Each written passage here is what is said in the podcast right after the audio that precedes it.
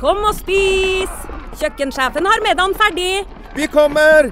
Vi skal bare Åh, det er da så morsomt her på Stiklestad! Ja, men sjøl en god viking må ha både mat og hvile. Og dessuten kan dere nå være noen dager. Velkommen til Scandic Stiklestad. Moderne fasiliteter i historiske omgivelser. Det var her det skjedde. Det er her det skjer.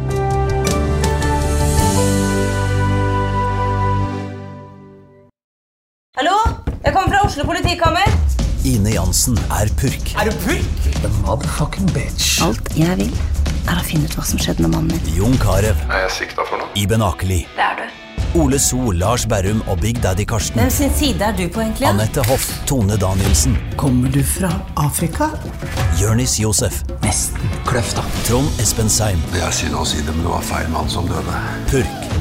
Premiere tirsdag på TV2 Play.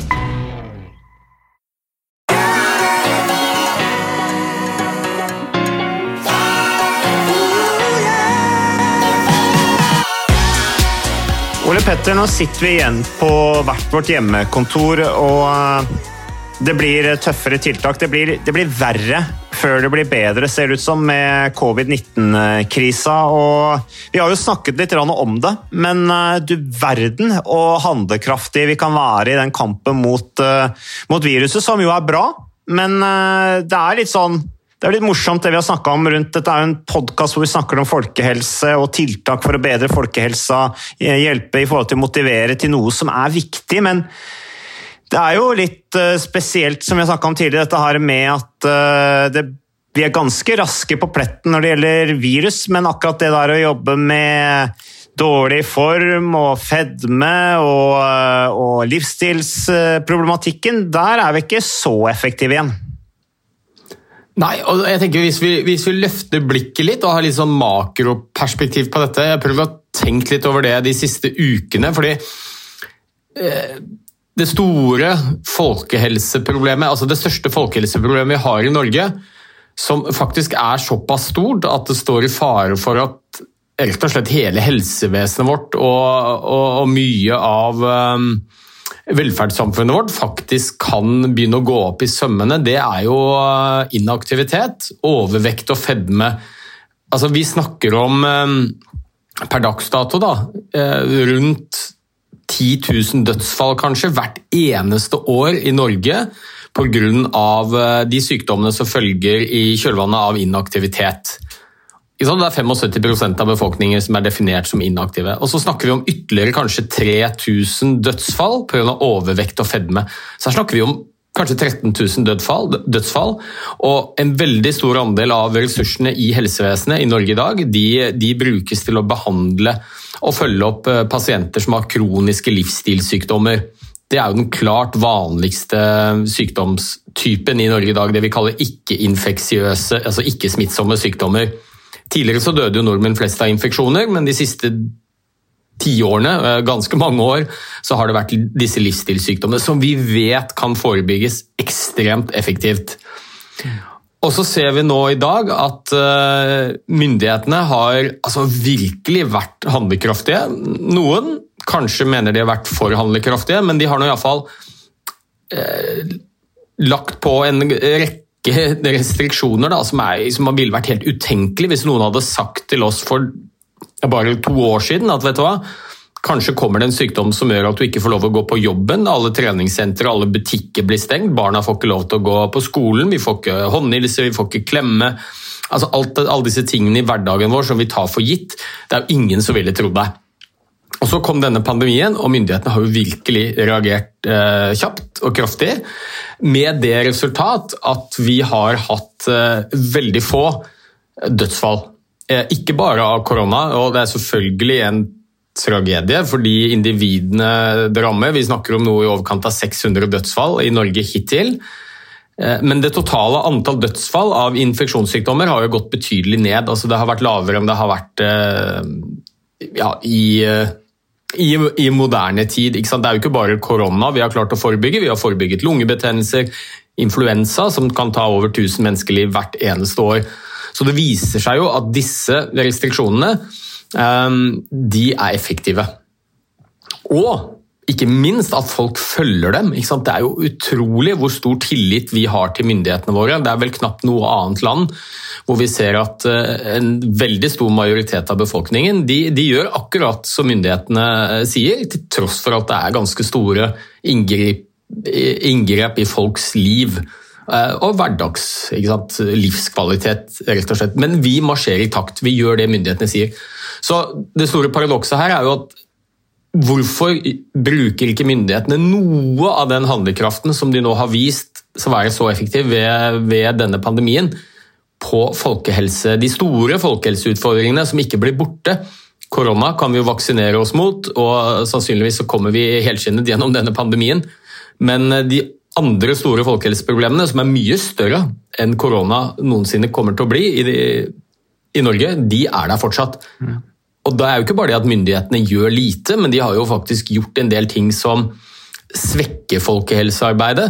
Eh, og dette har vi snakket mye om. Vi har snakket om eh, skroting av vedtak om mer bevegelse i skolen. Vi har snakket om eh, skatter og avgifter på usunn mat og alkohol. Så mitt håp da, det er jo at myndighetene altså at vi kanskje har lært noe at vet du hva, her er det ganske mye handlingsrom vi har for å påvirke folkehelsa i positiv retning, altså myndighetene. Men jeg, er jo, jeg, må jo si det, jeg er utrolig skuffa over hva, hva, myndighetene har gjort, eller kanskje først og fremst hva de ikke har gjort for å være med på å bidra til eh, å bremse dette med inaktivitet og overvekt, fedme. Som er eh, ikke bare Norges, men det, et av de aller største globale helseproblemene vi har. Ja, for Det du sier, eh, Ole Petter, og som jeg jo også har tenkt det på, er at det blir jo veldig dyrt i fremtiden for samfunnet hvis vi ikke tar litt tak i den negative utviklingen som er rundt dette med fysisk aktivitet i samfunnet. Eh, har snakket, du har snakket mye om eh, dette her med at samfunnet er tilrettelagt for inaktivitet. Eh, og Utfordringen er jo dette her at hvis neste generasjon, altså barn og unge, er, mye, er vesentlig mer, er mer inaktive enn det tidligere generasjoner var, så vil jo de komme opp i voksenlivet og være i dårligere form enn tidligere og bli fortere pleietrengende. Og det blir jo ekstremt dyrt. Ja, det er ekstremt dyrt. Vi vet jo at eh, det vi snakket om tidligere også, at omtrent ni av ti helsekroner brukes til eh, behandling av sykdommer som har oppstått. Altså Det brukes forsvinnende lite på forebygging i eh, helsevesenet i Norge.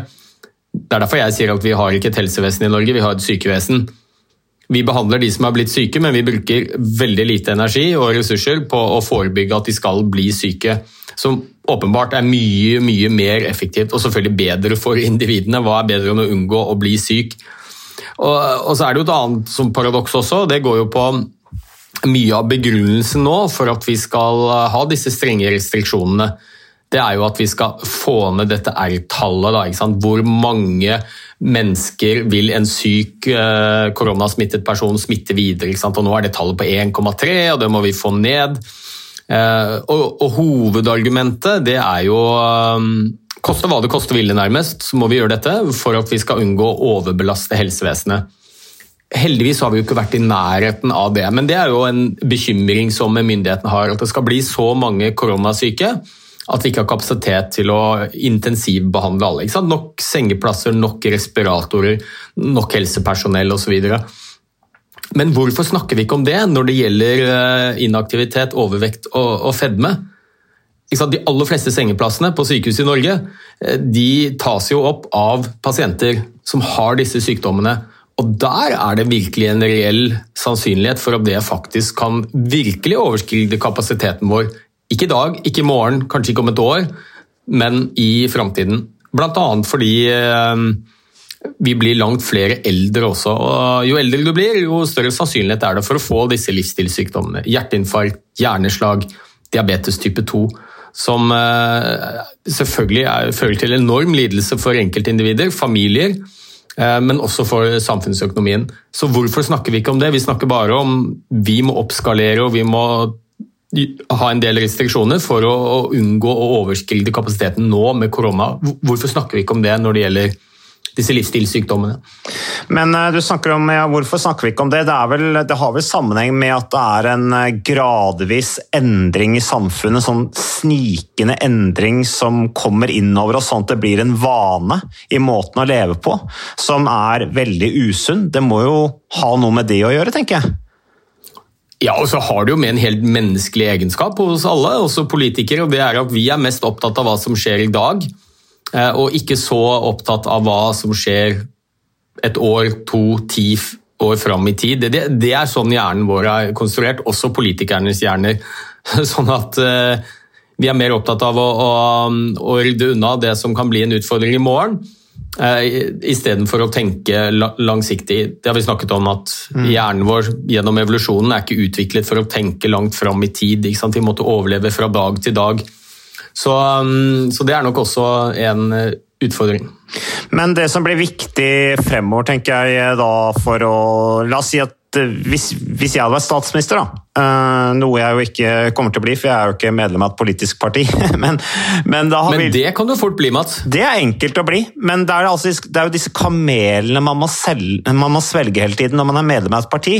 Jeg liker jo litt, Det er jo alltid noe bra med disse ulike partiene, ikke sant? men det er den der kamelsvelgingen da, som er utfordringen med politikken. Ære være politikerne for at de er politikere, og stå på, heie alle de, men jeg tenker jo at etter pandemien nå, så, så, bør man jo satse enda hardere på dette med, med, skole har vi snakket om, dette med kosthold har vi også snakket om. Eh, disse vedtakene som ble skrotet. Men også idretten tenker jeg at blir ekstra viktig som et sånt verktøy i samfunnet for å bidra til å stimulere til aktivitet, særlig blant barn og unge, når vi vet hvor viktig eh, atferden som barn og ung er i forhold til voksenlivet, ikke minst det grunnlaget du har når du kommer opp i voksenlivet. Og så er det jo interessant å se på arbeidslivet. Eh, eh, helse, altså Treningsbransjen tror jeg blir viktig. At man kanskje ser på treningsbransjen i et mer sånn forebyggende helseperspektiv.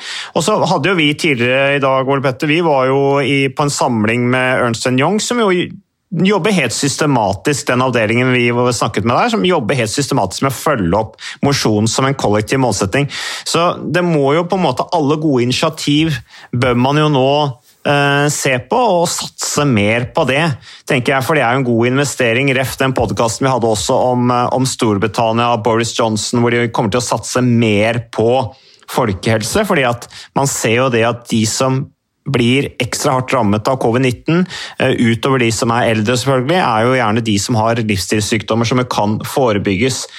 Men eh, er det noe mer du vil si om akkurat det der nå, Ole Petter? For vi har noen eh, lyttespørsmål også her som, som jeg har litt lyst til å snakke med deg om. Ja, jeg har en liten ting. da. Kunne jeg få lov til å tenke at jeg nå er helseminister og statsminister i ett noen få sekunder?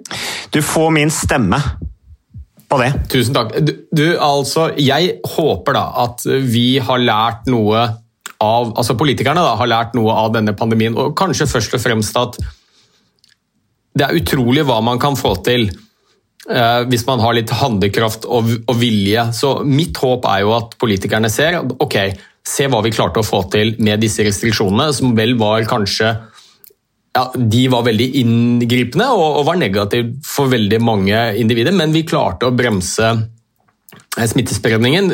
Helsevesenet ble ikke overlastet, vi kom oss helskinnet gjennom denne pandemien. Kanskje skal vi ta noe av denne kunnskapen til å gjøre følgende.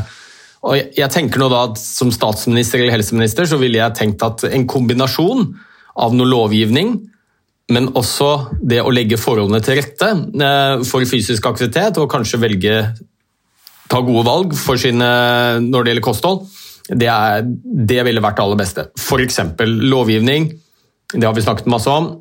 Fysisk aktivitet i skolen. Alle barn, unge har rett til minst én time med fysisk aktivitet hver dag. Det ville gjort underverker for folkehelsa. Det er det ene. Lovgivning når det gjelder mat, dette med skatte, skatteveksling, hvor du gjør sunn mat billigere, usunn mat skatter det kanskje enda mer enn det er gjort i dag. I dag vet vi at den mest usunne maten er den billigste. Den sunneste maten koster mer. Og så være med på å legge til rette. ikke sant? Og det er veldig mye man, eh, man kan gjøre. Én ting er jo dette med arbeidslivet, som vi har snakket om. ganske enkle grep, f.eks. fjerne fordelsbeskatning eh, når ansatte får mulighet til å trene eller får sponsa medlemskap på treningssenter, kan trene i arbeidstiden. Det må ansatte skatte av i dag. Hvorfor må de det? Det ville jo vært en vanvittig gevinst samfunnsøkonomisk hvis det var flere som begynte å bevege seg. Og så ville det vært bra for bedriftene også. Vi ville fått mer verdiskapning. Det vet jo du masse om. Ansatte som er i god fysisk form, de presterer bedre på jobb. Det er bra for bedriftens helse også. Og så kunne man jo fortsatt med å f.eks. Eh, få inn mer kunnskap hos eh, førstelinjetjenesten i helsevesenet. Leger, ikke sant. Min, eh, min yrkesgruppe. Vi kan jo nesten ingenting, verken om mat, kosthold eller fysisk aktivitet. Altså, vi har seks år um, med legestudier hvor du lærer deg i detalj om farmakologiske virkningsmekanismer ved de viktigste legemidlene. Hundrevis av timer om det, avanserte behandlingsmetoder for forskjellige sykdommer, men fint lite om forebygging. Mm. Så da, da, er vi iallfall i gang. Det, det, er mine ønsker, da, sånn rent, eh, hvis jeg får lov til å leke at jeg er statsminister og helseminister. Jeg syns du, gjorde en, jeg, jeg, jeg synes du gjorde en veldig god jobb ja, altså, som uh, helseminister der, uh, Ole Petter. Så, så, gå for det. Uh, jeg stemmer på deg. Men Ole Petter dette er, det er et veldig stort spørsmål det her, som vi kommer helt sikkert tilbake til. Det er litt sånn hjertesukk nå når vi får disse nyhetene om ytterligere eh, tiltak. Eh, I morgen er det rød sone, eller altså er det eh, Da går jo barneskolen her i området hvor jeg bor, i rødt ikke sant? så da er det hjemmeskole for barna. Og det er klart, Vi skal ikke klage, men, men, men det, det, det, haler ut dette her. Og det er klart at for mange så sliter det på, særlig for de som i tillegg har mista jobben, kanskje ser livsverket sitt uh, smuldre opp pga. økonomisk ruin osv. Det, er, det er tøft for veldig mange nå. Men Litt, uh, litt, lyttespørsmål, Ole Petter. Det er jo, vi har mye spørsmål altså, som, uh, som, vi, som, jeg på en måte føler at vi burde gått gjennom alle sammen. for Jeg, jo, jeg føler vi skylder lytterne våre det, men jeg er helt sikker på at lytterne forstår at vi ikke kan ta alt uh, på løpende bånd. Men det er et spørsmål her som, som, som, jeg la merke til, som handler om dette med trening og tvangstanker. Eh, og Det var litt interessant, syns jeg. Jeg har jo selv kalt meg selv for litt tvangsprega når det gjelder eh, trening. og vi har jo, eh, Du har jo erta meg litt for det du også, Ole Petter, men jeg kan jo lese spørsmålet. Hei! Har dere noen tanker rundt tvangstanker i forhold til trening?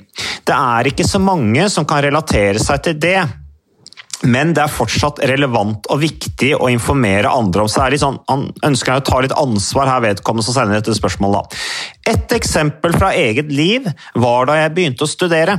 Jeg opplevde et stort prestasjonspress og slet med å få dekket de sosiale behovene mine. Siden jeg visste at treningen hjalp med å få styr på tankene, begynte jeg å trene. Så det var altså noe han begynte med, da, for han hadde tydeligvis fått høre om de gode gevinstene av det. Og det er jo flott at han gjorde det. Og så skriver han videre. Jeg var i relativt god form fra før skriver han. Ok, Greit, da har han kanskje sett det fra før, da. Og la derfor ikke merke til kroppens stoppsignaler. Siden de vonde tankene ikke avtok, trente jeg bare mer og mer. Ca. 10-14 timer i uka, står det i parentes. Til slutt sa det bråstopp og endte med MR og fysioterapi. Og så skriver han videre, dette her er fra Felix, som skriver dette. Dere må gjerne bruke dette som et eksempel. Eh, særlig med, eh, kan særlig med tanke på å be om profesjonell hjelp eller særlig med tanke på å be om profesjonell hjelp i tide, skriver Felix her. Så takk til Felix som inn, eh, er åpen her og sender inn dette spørsmålet. Tvangstanker, ja. Tvangsprega. Det kan man jo fort bli, Ole Petter. Og her er det jo da en som beskriver hvordan treninga bikker bikka over til å kanskje ta litt overhånd. Eh, og han trente tydeligvis på seg skader, og det ble rett og slett litt for mye for han. Har du hørt om lignende?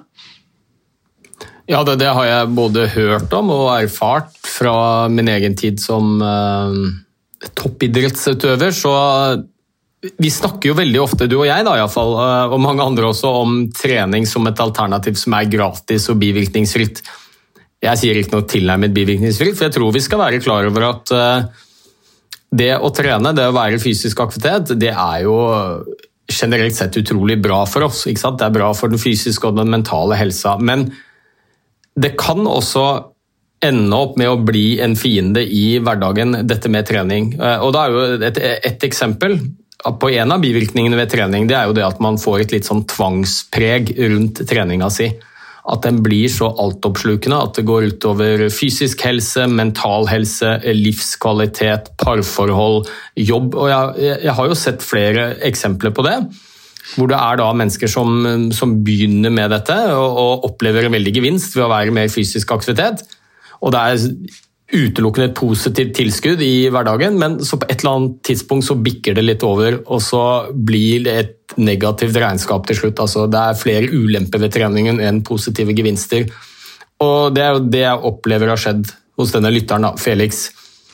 Men spørsmålet, Og- og- og- ja. ja, spørsmålet Ole Petter, bare spørsmålet er litt eh, basert på det du sier der. Spørsmålet er jo om det er noen som av natur, kanskje uansett, er litt sårbare overfor å bli avhengig, avhengig av noe. Da. At det kanskje eh, de har en sånn avhengighetstrang til en sånn virkelighetsflukt. eh, Og at det kanskje kan være litt tilfeldig at det blir trening. Det, det kan bli andre ting, på en måte. Jeg vet ikke hva du tenker om det? Jo, det er nok litt eh, forskjellig følsomhet for det. Når jeg sier følsomhet, så sier jeg det fordi at eh, når vi trener, og dette har vi snakket om mange ganger, så får du en frigjøring av dopamin, som er liksom belønningsstoffet vårt eh, i hjernen. Som gir oss alle disse positive mentale følelsene vi opplever, de fleste av oss iallfall, etter vi har trent. Mer energi, velvære, konsentrasjon, oppmerksomhet, ikke minst humør. Ikke? Det blir bedre. Og, og det dopaminet som skilles ut der, det er jo nøyaktig det samme dopaminet som skilles ut når vi blir belønnet på andre områder, f.eks. med rusmidler. Så vi kan jo ta alkohol som et eksempel, da, selv om det selvfølgelig ikke det er, to, det er to helt forskjellige ting, men kjemisk i hjernen så skjer jo mye av det samme. Og vi vet jo at uh, veldig mange kan eh, bruke alkohol på en fornuftig måte. Og sannsynligvis så vil det kunne være bra for helsa. Kanskje ikke nødvendigvis alkoholen i seg selv, men det at det nytes i sosiale settinger med mennesker du trives med. Så det er rett og slett uh, positivt for, for helsa, hvis du nyter det med moderasjon. Men det skal ikke så mye til før det kanskje bikker over, og alkoholen går fra å være kanskje en venn som er positivt tilskudd i livet ditt i, eh, i moderasjon, til å bli for mye, og så blir det et helseproblem både fysisk og, og, og mentalt. Og litt det samme tror vi kan skje med trening. Du får jo denne dopaminbelønningen som gjør at du kan bli avhengig. Og de aller fleste takler jo det på en fin måte. Eh, mange av oss sier det jeg, er helt treningsnarkoman og jeg er avhengig av å trene for, ha, for å ha det bra i hverdagen. Det blir jo først et problem når det gjerne går utover livskvalitet og hverdagsfunksjon og jobb og parforhold og alt dette her. Og da tyder det på at vi mennesker vi har forskjellig følsomhet for dopamin. Det gjelder både rusmidler og trening, så noen av oss får en sterkere belønning når vi er ute og trener, enn andre. Eh, Og de Ukas annonsør det er HelloFresh. Og eh, hvis du nå går inn på hellofresh.no og bruker koden 'fresh hjerne', så kan du få opptil 1779 kroner rabatt på da de fem første matkassene dine hvis du ikke har prøvd Hello Fresh enda. Og Ole Petter, vi er jo glad i Hello Fresh i podkasten Hjernesterk, eh, selvfølgelig fordi at de er en annonsør. De er med og bidrar til å spre det glade ordet om fysisk aktivitet og god helse. Men i tillegg så har jo vi også nå lang erfaring med Hello Fresh eh, selv. Så vi må jo si at det har vært gode erfaringer til nå. Ja, absolutt. Visste du, Mats, at HelloFresh det er faktisk verdens ledende matkasseleverandør? Og tilbudene til HelloFresh gjør det enkelt å lage gode og varierte retter som skaper matglede. Og matglede vet du, det er like viktig som hva du putter i munnen. Det å spise mat med folk du trives med. Så gjennom 25 nye og inspirerende retter hver uke så bidrar HelloFresh til dette. Du kan bestille ekstra porsjoner om du får gjester, eller hoppe over uke hvis du f.eks. skal bort. Og Det er ingen bindingstid, og du velger leveringstidspunkt og dag selv, så leverer HelloFresh matkassen din akkurat når det passer deg. Ikke dårlig, Mats. Nei, det er veldig bra. Så, eh, og dette er med enklere hverdag, det kan jeg nå skrive under på. For nå, forrige erfaring vi hadde forrige uke, Ole Petter, det syns jeg var Det var jo et gjennombrudd eh, for familien Kaggestad. For da lagde rett og slett barna De lagde middag og serverte middagen, så den var ferdig laget og servert da når eh, min kone Marita og meg kom hjem fra jobb. Og jeg mener Det var jo bare helt utrolig. Eh, det var helt fantastisk. Det ble en nydelig middag. Riktignok de, de, de, de roter og søler litt, det gjør de. Så, men, men, maten ble veldig god. De var veldig stolte over å kunne å ha både laget og servert maten, så det var helt fantastisk. Så vi har jo da i det siste så har vi eh, spist eh, bl.a. sitron- og dillstekt hyse med ovnsbakte grønnsaker og aioli. Eh, vi har spist middelhavsinspirert kylling. Taco, så finnes det mange ulike typer taco. F.eks. vietnamesisk taco, som vi har spist. Thailandsk vegetargryte.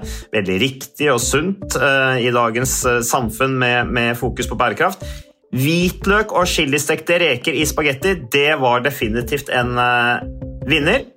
Så det er så flott. Du får rimelig mat ved at du kun betaler for det du trenger, så det blir ordentlig feststemning med Hello Fresh. Det gjør det, og nå er det bare for deg å gå inn på hellofresh.no og bruk koden FRESH gjerne. Da får du opptil 1779 kroner rabatt på de første fem matkassene dine, hvis du ikke allerede har prøvd HelloFresh. Du kan også bruke rabattkoden hvis du har stoppet abonnementet ditt for tolv måneder siden eller mer. Er det noe å lure på? Håper maten smaker godt. Bon appétit! Individene som har, eh, har, den økte følsomheten, de vil jo da sannsynligvis være mer sårbare for å bli avhengig på en negativ måte. Da. Mm. Enten det er alkohol, eller det er trening eller noe annet som gir dopamin eh, frigjøring.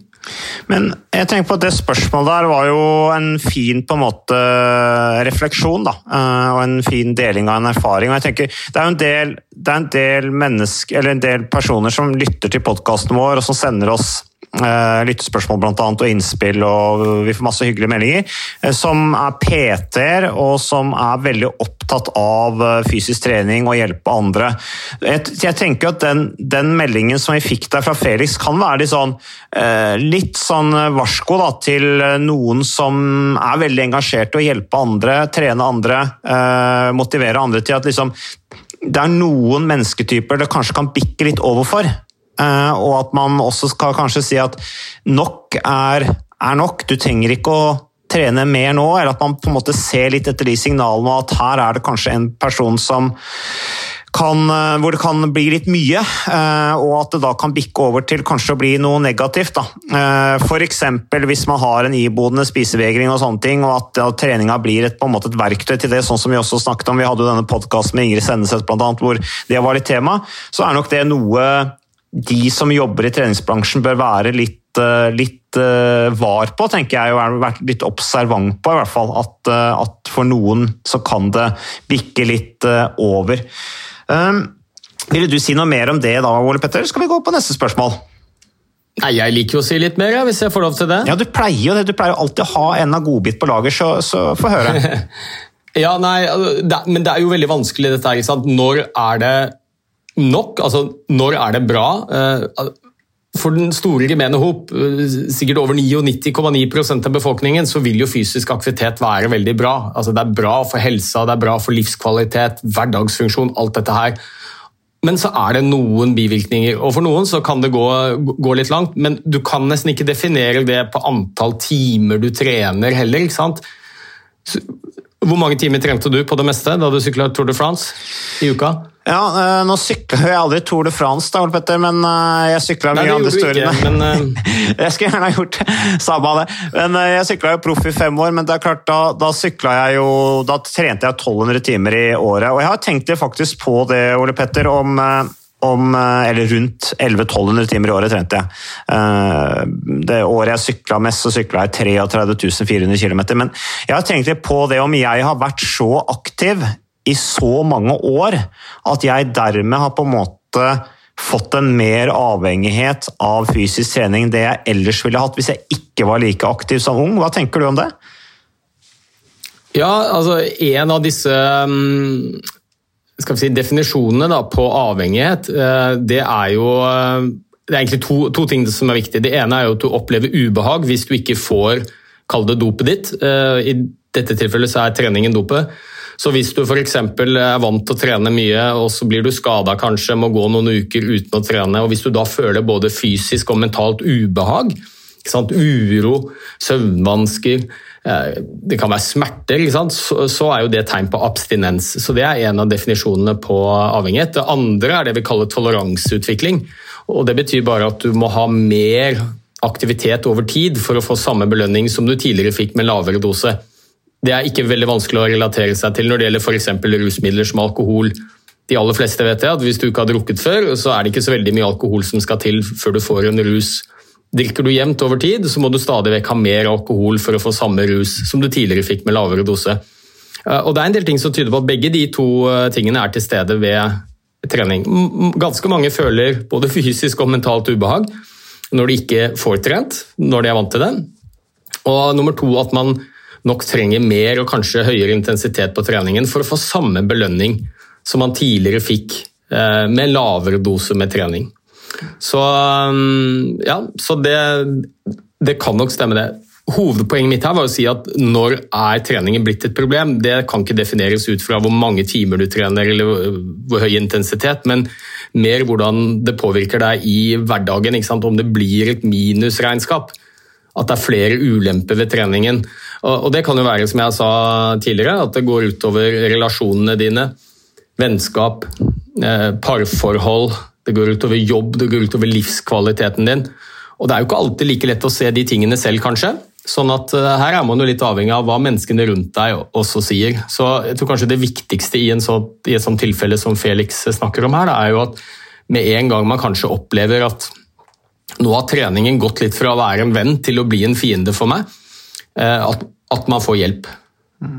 Og, og, kanskje den aller beste hjelpen man kan få når det gjelder akkurat dette her, det er jo å, det vi kaller kognitiv atferdsterapi. Hvor man rett og slett uh, går og snakker med en psykolog om de tankene man har rundt trening og hvordan man forholder seg til det.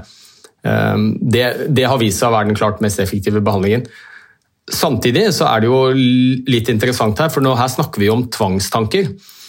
Samtidig så vet vi jo at det å være i regelmessig aktivitet det er en av de mest effektive behandlingene vi har mot nettopp angst og tvangstanker.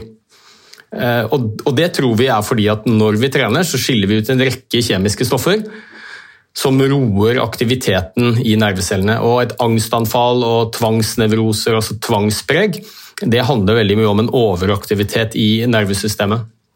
Og Den blir altså dempet når vi trener. Vi skiller ut noen kjemiske stoffer, bl.a. noe som heter GABA, som er et signalstoff. Eh, vi skiller ut endorfiner, eh, kroppens egne morfinlignende stoffer. Vi skiller ut mindre kortisol, som er et stresshormon. Så her er jo litt av ironien som ligger i dette her. At ja, man kan eh, utvikle tvangstanker rundt trening, Samtidig så er trening en veldig effektiv behandling mot tvangstanker, mm.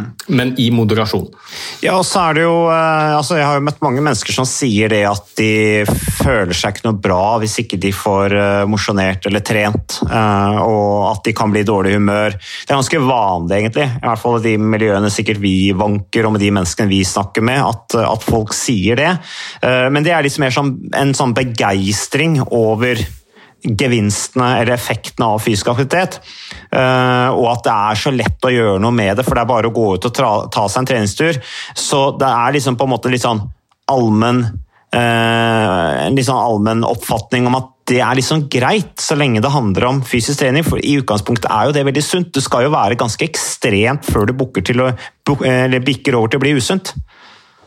Ja da, og det er som med veldig mye annet sant, som kan være positivt, eh, og er det hovedsakelig i moderasjon, men det kan bli for mye, sånn at eh, det påvirker livskvaliteten vår negativt. Så eh, jeg håper jo ikke noen lar være å begynne å trene fordi de er redd for bivirkningene. Bivirkningene ved trening er svært få, langt færre enn det vi ser ved bruk av legemidler. Men, men det er noen, ikke sant. Skader er en åpenbar en. Men man kan bli overtrent, og det kan gå utover mental helse, det kan gå utover søvn. Eh, Vi vet at det er en eh, sammenheng mellom det å trene mye, spesielt utholdenhetsidretter, og sannsynligheten for å utvikle spiseforstyrrelser. Så jeg tror ikke vi skal stikke under en stol at eh, trening er hovedsakelig for den store majoritet veldig positivt, men det er noen bivirkninger som man skal være oppmerksom på, i fall, og prøve å få hjelp før det går for langt. Ja, og så tror jeg kanskje en, eh, del av problemet Petter, er eh, folk som kanskje ikke har så mye kunnskap og erfaring med fysisk trening, som kanskje plutselig begynner å løpe. Eh, Og så blir de, syns de det er godt, og de kjenner gevinsten, og formen kommer, og så løper de mer og mer. Og så blir det kanskje litt for ensidig belastning. Eh, Det blir kanskje litt for mye løping med tung kropp på asfalt f.eks., på kanskje for dårlige sko. Eh, Det blir for lite restitusjon mellom øktene, og så drar de på seg skader. Det er i hvert fall noe jeg har opplevd med folk jeg har snakket med og, som, og folk jeg kjenner. De blir veldig ivrige. Og så blir det for mye over en kort periode, rett og slett fordi at de, de vet ikke helt hvordan de skal eh, avlaste eller restituere seg, eller rett og slett trene allsidig, sånn at de kan opprettholde kontinuiteten over tid. Nei, helt, helt enig. Så eh, det tror jeg kan være litt av eh, utfordringen som eh, at økt bevissthet kan hjelpe mange da, eh, til å i hvert fall unngå den type utfordringer når de endelig kjenner gleden av å trene.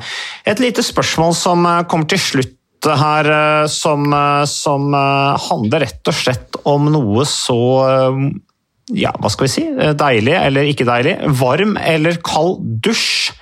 Eh, Det er en som eh, skriver her altså til oss om hva som er best. Har to spørsmål til dere, skriver vedkommende her. Det er Sturla som skriver. Spørsmål 1. Hva er best for kroppen? Dusje kaldt eller varmt? Det er jeg og min, der er jeg og min samboer uenig. Med varme føler jeg at det er godt der og da, mens med kaldt vann er det ikke godt der og da, men det er godt når man er ferdig. Hva tenker du om det, Ole Petter? Ja, du, her spørs det jo litt hva man mener med best. da. Eh, Altså Hvis du tenker på hva som er, mest, eh, som er best og mest behagelig, så ville jo jeg valgt den varme dusjen eh, hver eneste dag framfor en iskald dusj. Men det jeg tenker kanskje spørsmålet går på, er vel mer eh, sånn prestasjonsmessig og hva er, best for deg etter du har trent. da for restitusjon og, for å yte maksimalt eh, fysisk? Det er et veldig godt spørsmål, fordi det der har nemlig vært eh, forsket en del på i den senere tid, og du har sikkert sett at en del toppidrettsutøvere i dag, så var det ikke da jeg holdt på for 20 år siden, som tar eh, iskalde bad eh, rett etter intensive treningsøkter i den tro i fall, og håp om at det skal bedre restitusjon og gi bedre prestasjon. Så det er forsket litt på det, og mm, som de sier på engelsk, the jury is still out. Det er vel ingen som har klart å vise helt sikkert. Men det man ser da, hvis vi kan ta den kalde dusjen først, så er det en del studier som viser at eh, når du tar en eh, Altså du blir nedkjølt, enten det er en kald dusj eller isbad eller hva man nå gjør for noe, eller kulde, sånne kuldepakninger, hva heter det? Eh, Isforpakning og vester og Ja, det er mange forskjellige metoder, men, men jeg har også drevet sånn isbading etter tøffe økter, og sånn, for det, øker blodsirkulasjonen. Det, det har Ja, følelse, man har i hvert fall en følelse at det gjør det, eller det er teorier om at det skal gjøre det. Ja, det gjør jo egentlig ikke det, for det gjør jo strengt tatt eh, det motsatte i stor grad. Fordi kaldt vann og kulde det gjør at blodårene trekker seg sammen. eh, Spesielt i huden da, og faktisk litt i muskulatur også. Så, så det man har vist ved sånne kalde bad rett etter trening, er at eh, mengden med sånne betennelsesstoffer de blir litt redusert. For det er jo litt av det som skjer når du trener. Om det er styrketrening eller kondisjonstrening, så er det en del vev som blir brutt ned. Altså du får små eh, avrivninger i muskulaturen. Det er for øvrig det som gjør deg støl. Om du har løpt en knallhard intervalløkt, ikke har gjort det på lenge, eller trent styrke, så opplever du stølhet et par dager etterpå, så er det fordi du har fått små rifter og rupturer, da, som vi kaller det, i muskulaturen. Og så blir det en betennelsesprosess. Og Da er det en rekke kjemiske stoffer vi kan måle i blodet som sier noe om hvor stor den betennelsesprosessen er. Og Da viser det seg fra forskning at når du tar et kaldt bad like etter en hard økt, så blir det færre av disse betennelsesstoffene. Altså det hemmer betennelsesreaksjonen. Men så er det store spørsmålet er det bra eller er det ikke bra. For betennelsesprosessen, det er jo det som gir deg stølhet og smerte og sånt. Jeg pleier å si at det er jo egentlig en belønning. Fordi den stølheten og den betennelsesprosessen du får, det er jo det som styrker vevet. Altså som det vi kaller adaptasjon eller tilpasning. Som er forklaringen på hvorfor når du trener styrkeøkt for første gang på to år, så blir du sannsynligvis ordentlig støl etterpå. Men gjør du samme styrkeøkten tre ganger i uka eh, i, i, i, noen uker, så vil du ikke oppleve stølhet etterpå. Det er fordi vevet tilpasser seg ny belastning. Så, så vi tror jo at den betennelsesprosessen faktisk er gunstig. Så svaret på spørsmålet er ja, det kan nok føles behagelig. Du får mindre muskelsmerter og, og mindre ubehag hvis du tar en kald dusj etterpå. Men det er ikke vist at det gir noe bedret prestasjonsevne. Kanskje kan det til og med gjøre det motsatte fordi du hemmer den betennelsesprosessen som er nyttig og bra. Det er kulde. Og varme, så er det, det er heller ikke vist altså, Det korte svaret er jo når jeg har brukt mye tid på å gi et langt svar, det korte svaret er jo at verken varmt eller kaldt bad har vist seg å gi noe prestasjonsforbedring. Og så tenker jeg kanskje et viktig spørsmål her, for nå, nå er vi jo nede i uh, dypdykk ned i litt sånn nerdede treningsspørsmål. Hvis målet ditt er å få god kondisjon, mer styrke, prestere eller, eller få bedre helse, så tror jeg det er uendelig mange ting jeg ville tatt tak i før jeg begynte å tenke på varmt eller kaldt bad som en vei til å bli en bedre idrettsutøver eller få bedre fysisk form. Det er jo litt, og nå er vi over i din, eh, din idrettsgren her, men på min alder på 50 år pluss som kjøper eh, karbonsykler til over 100 000 fordi de skal spare noen gram på ramma og, og giret, og så har de 15-20 kilo ekstra på magen. Den, den, den, åpenbare tingen de burde ta tak i, var jo mer vekta, kanskje, på seg selv enn på sykkelen. Så, så, her snakker vi om bitte små marginer, så jeg tror for folk flest, med mindre du kjemper om en VM-medalje eller OL-gull, så vil det nok spille fint liten rolle om du tar det kalde badet eller det varme badet. Jeg ville gått for det varme badet, for det føles mer behagelig. Enda mer morsomt Ole Petter, er det jo med de samme da mennene i vår alder som kjøper den lette karbonramma, eh, eller den sykkelen til 70 000, og så samtidig ha mage og ta på seg vektvest. Det er jo eh, litt morsomt kombinasjon, syns jeg. Men uh, videre så spør Sturla her, bare for å ta det siste spørsmålet når vi først er inne på det. Og det har jo, nå, nå, sa jo du at det med blodsirkulasjonen det påvirkes ikke sånn som var min antakelse, da, med, med sånn kaldbad. Ikke, ikke i den grad jo, altså, jeg påstår, i hvert fall, kanskje. Nei, altså det er jo gjerne sånn at uh, når du ja, Dette blir litt nerdete, men når du tar et kaldt bad, eh, så er jo ikke det så annerledes enn å være ute i kulda. Og det som skjer da, er jo at vi har jo en kroppstemperatur på 37 grader, og den må vi prøve å opprettholde for enhver pris. Sånn at hvis du går ned i kaldt vann, så vil eh, mesteparten av blodet ditt endre altså Det vil skiftes fra å gå til hud for å tape varme, så vil blodårene i huden trekke seg sammen, og så vil en del blod sendes inn til kjernen din, inn til de indre organene, hjerte, lunger, nyre osv. for å opprettholde kjernetemperaturen. Så når du eh, dykker ned i kaldt vann, så vil blodårene til uh, huden, som er kroppens største organ, de vil trekke seg sammen. Det er derfor du blir kald. Og så vil, vil, blodstrømmen øke til de indre organene. Men når du går ut av det kalde vannet igjen, så vil jo blodårene til huden åpne seg. og Det er ofte den behagelige følelsen vi får det er ganske ubehagelig å stupe ute i vann som holder fire grader. Jeg tror ikke det er noen som syns det er veldig behagelig, men det føles veldig godt etterpå. Når du kommer deg opp på land og har tørket deg, for da utvider blodårene seg etterpå. Ja. Ja, og det er jo litt sånn som, jeg vet ikke om Du, du har kanskje vært i militæret, Ole Petter, men uh, det, ja, vi, vi, har begge vært i militæret. og Da var det sånn når vi var på vinterøvelse, så var det jo ut og snøbade ikke sant, for å få varmen etterpå. Uh, så det er jo litt den samme gevinsten. Isbading er forresten veldig populært i dag, og det har vel bl.a. noe med den følelsen etterpå. Men bare litt sånn kjapt til slutt her. Tøying, så spør Sturle om det. Når burde man tøye? Før trening, etter trening eh, eller egnede styrkeøvelser. Her strides, her strides de lærde.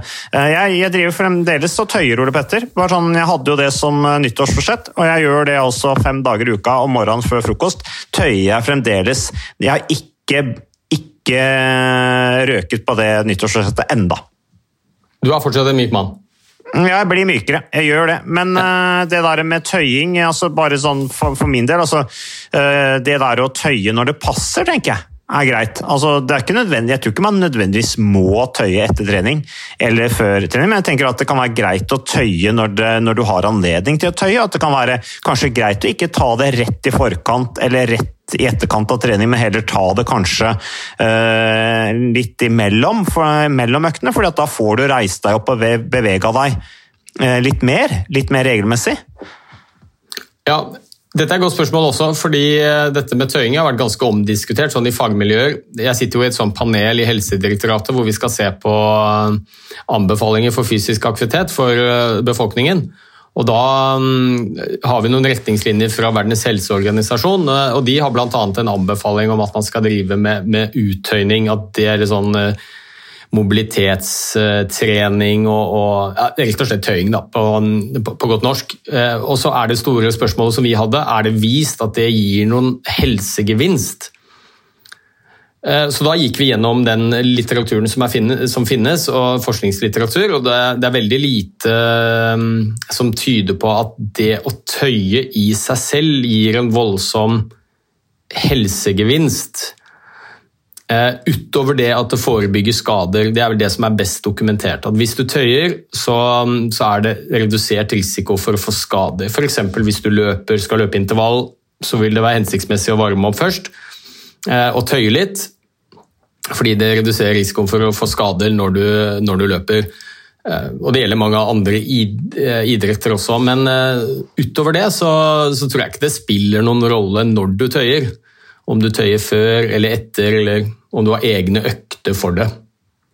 Ja, jeg tenker eh, legge inn en eh, økt, for det er jo kjedelig å tøye. Eh, så legge inn en økt når du har litt tid og energi til overs. Når du f.eks. ser på nyhetene på kvelden, eller i forbindelse med at du sitter på kontor og du kan reise deg opp og strekke ut og sånne ting, så kan jo det være fint. Da har du jo, har du en helsegevinst hvis det er med og forebygger f.eks. For muskel- og skjelettlidelser. Ja, da, sånn sett så har Det en helsegevinst. Det er ikke vist at det gir noe prestasjonsgevinst eller at det påvirker disse parametrene som er veldig viktige for helse, da, som blodtrykk og en del andre, andre ting som jo både styrketrening og, og kondisjonstrening gir. Men um, det har vist seg å ha en skadeforebyggende effekt. Så husker jeg veldig godt da jeg drev og løp maraton. Det er jo en individuell idrett, men man er jo ofte på fellestrening og trener med andre. Og, og det fineste med tøyingen, for vi hadde alltid litt oppvarming og så var det litt tøying. Og tøyingen, da ble det ofte veldig sosialt. Da sto man side om side og tøyde litt, og praten gikk løst. Så jeg tror du eh, kan få like stor sosial helsegevinst ved tøying som den rent fysiske gevinsten ved faktisk å, å tøye. For det, ja, det, er litt sånn sosial arena også, når du trener med andre. Tøyingen. Så fortsett å tøye. Og uh, tusen takk for at du uh, lyttet på uh, nok en episode av Hjernesterk. Vi er tilbake med mer, vi, Ole Petter. Og setter pris på alle som sender inn spørsmål. Og vi setter pris på alle som tar vare på seg selv og er ute og mosjonerer. Dere går foran som veldig gode eksempler, så fortsett med det. Takk for i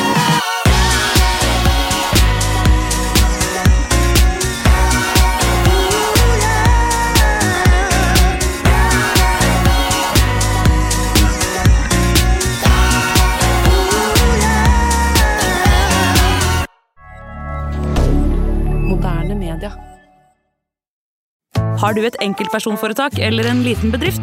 Da er du sikkert lei av å høre meg snakke om hvor enkelt det er med kvitteringer og bilag i fiken, så vi eh, gir oss her, vi. Fordi vi liker enkelt. Fiken superenkelt regnskap.